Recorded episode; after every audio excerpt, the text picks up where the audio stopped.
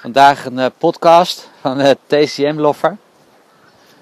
Mijn naam is Owen van der Ridder en ik dacht ik ga eens even op een andere manier een podcast inspreken. Ik loop lekker buiten. Er staat een hoop wind. Ik loop langs een sloot met allemaal kikkers. Dus als jullie uh, wat natuurlawaai horen, natuurgeluiden horen, dan weet je dat het komt omdat ik buiten loop. In deze podcast over mildeficiëntie. Hier een podcast van TCM Loffer. En nog steeds ontzettend veel wind. En ik wil het in deze podcast met jullie hebben over meeldeficiëntie. Ja, het is altijd meeldeficiëntie. Waarom zou dat zijn? Omdat zo ontzettend veel mensen last hebben van een meeldeficiëntie. Meeldeficiëntie is dat die mild niet goed functioneert. Dus dat betekent als het mild die regelt het transport en transformatie van voedings- en van vloeistoffen. Als dat niet goed gebeurt, dan krijg je problemen. Omdat er dan eigenlijk te weinig voedsel om wordt gezet in bruikbare substanties. Dus dan krijg je eigenlijk kort gezegd krijg je minder energie. En dan word je moe.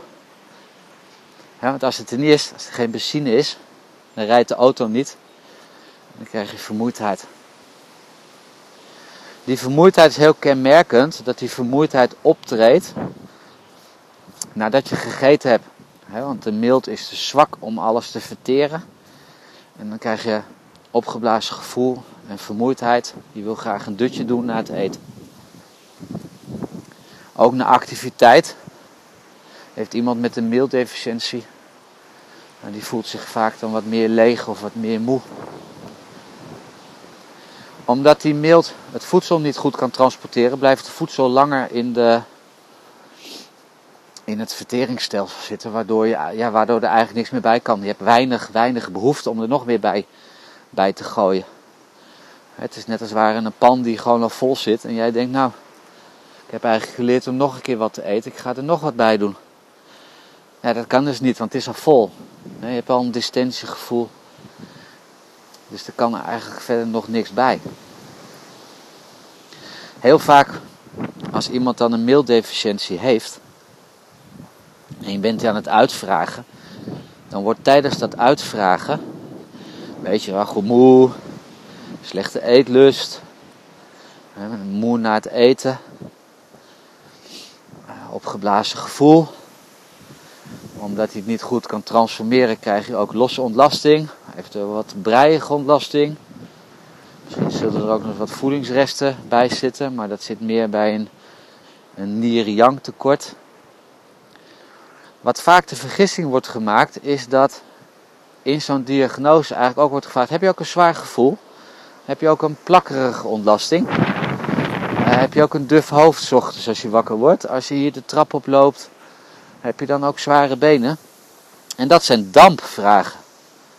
Nou is het natuurlijk wel zo dat mild chi kan leiden tot damp, maar dat is niet altijd zo. Dus je moet goed zorgen dat je eerst het mild chi uitvraagt. En als je daar zegt van nou, ik heb drie hoofdsymptomen en nog wat nevensymptomen, het is voor mij bingo. Het is duidelijk dat er een mild chi leegte is. Dan zou je nog als vervolgvraag nog kunnen stellen van goh, hoe voelen die armen? Hoe voelen die benen? Hoe is het precies?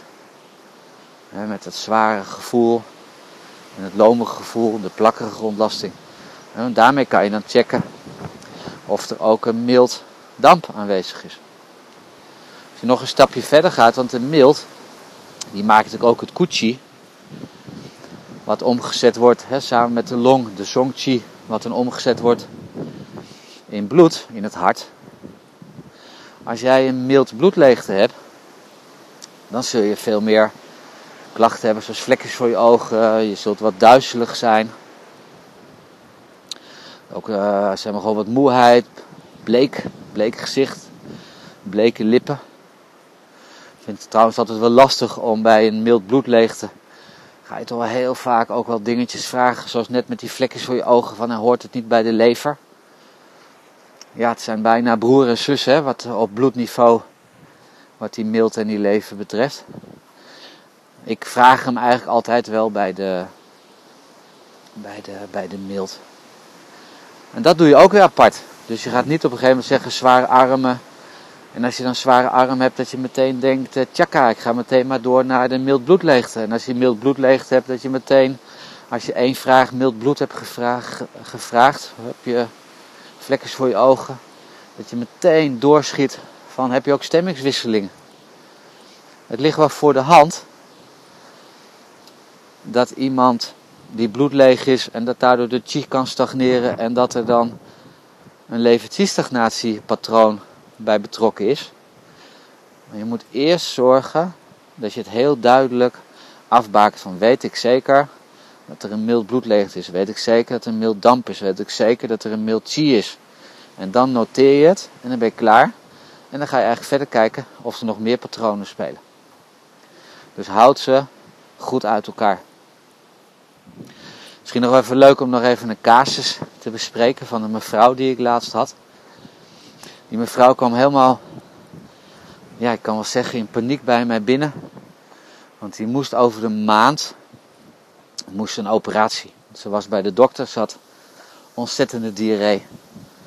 Als zij naar een restaurant toe ging, wat ze eigenlijk al niet meer deed, nou, dan was ze van tevoren al gespannen. Nou ja, goed, en had de diarree in de broek, om het maar zo te zeggen. Dus ze kon eigenlijk niet meer, ja, zeg maar, de sociale contacten verdwenen helemaal. Ja, zij dacht van, nou, ik ga me maar laten opereren. En ze kwam eigenlijk als een soort laatste nood, kwam ze bij mij terecht. Nou, ik ging eigenlijk vragen van, nou goed, sinds wanneer, sinds wanneer heb je de diarree? En is het dan ook stinkende diarree? Want, hè, dus ik, de, hoofdklacht is diarree. Dus ik ging alles uitvragen over diarree. Ja, goed, het was niet stinkend. En toen kwamen we eigenlijk op een gegeven moment uit dat er kou bij betrokken was. En we kwamen eigenlijk op een mild leegte uit. Even een stukje doorvragen. Ik wist zeker dat het mild yang was. want er zaten mild symptomen bij en wat kou symptomen bij maakte ik het uitstapje naar dieet. Wat eet je? Het was allemaal melk. Toen dacht ik toch van, nou, ze zou toch niet een lactose-intolerantie hebben waardoor ze diarree krijgt. Ik zei, nou, dan zullen de dokter en de huisarts zullen dat toch wel naar gekeken hebben. En dat genoemd hebben dat ze daarmee moest stoppen. Maar tot mijn verbazing was dat niet zo. Dus ik heb die mevrouw meteen een eliminatiedieet gezegd. Oftewel, je mag geen melkproducten meer gebruiken. En ze komt een week later weer bij mij terug. En het probleem was voor de helft weg. Weer een week later was het probleem voor 75% weg. En natuurlijk was het zo dat ze. Ze was wat gestrest als ze naar het restaurant ging. Ze was sowieso een drukke, een, een drukke baan. Er zat wat stress bij. He, er staat ook wel het patroon hout valt aarde aan. Maar ze was eigenlijk al zo, zo blij dat eh, de diarree weer hanteerbaar was. en op dat moment is het voor mij uh, belangrijk om dan uit te leggen dat ook nog een stressfactor meespeelt. En dat we eigenlijk samen een behandeltraject ingaan. Van nou, tussen de 7 en de 10 keer. Zodat ze leert de stress te hanteren, zodat het dieet, het stoppen met melk, dat ze daar uh, goed, goed mee door kan gaan en niet meer te snel stopt of opgeeft. ja, dat was, een, dat was een succesvolle afloop waarvan ik dacht, nou de huisarts had vast wel gevraagd had, hebben, want zo het simpels kan het toch niet zijn. Maar dat was het toch. Nou, dit was weer mijn uh, buitenloop podcast. Ik dank je hartelijk voor het luisteren. Kijk nog eens een keer op www.tcmloffer.com voor wat voor leuks er allemaal te vinden is. Dag, dag.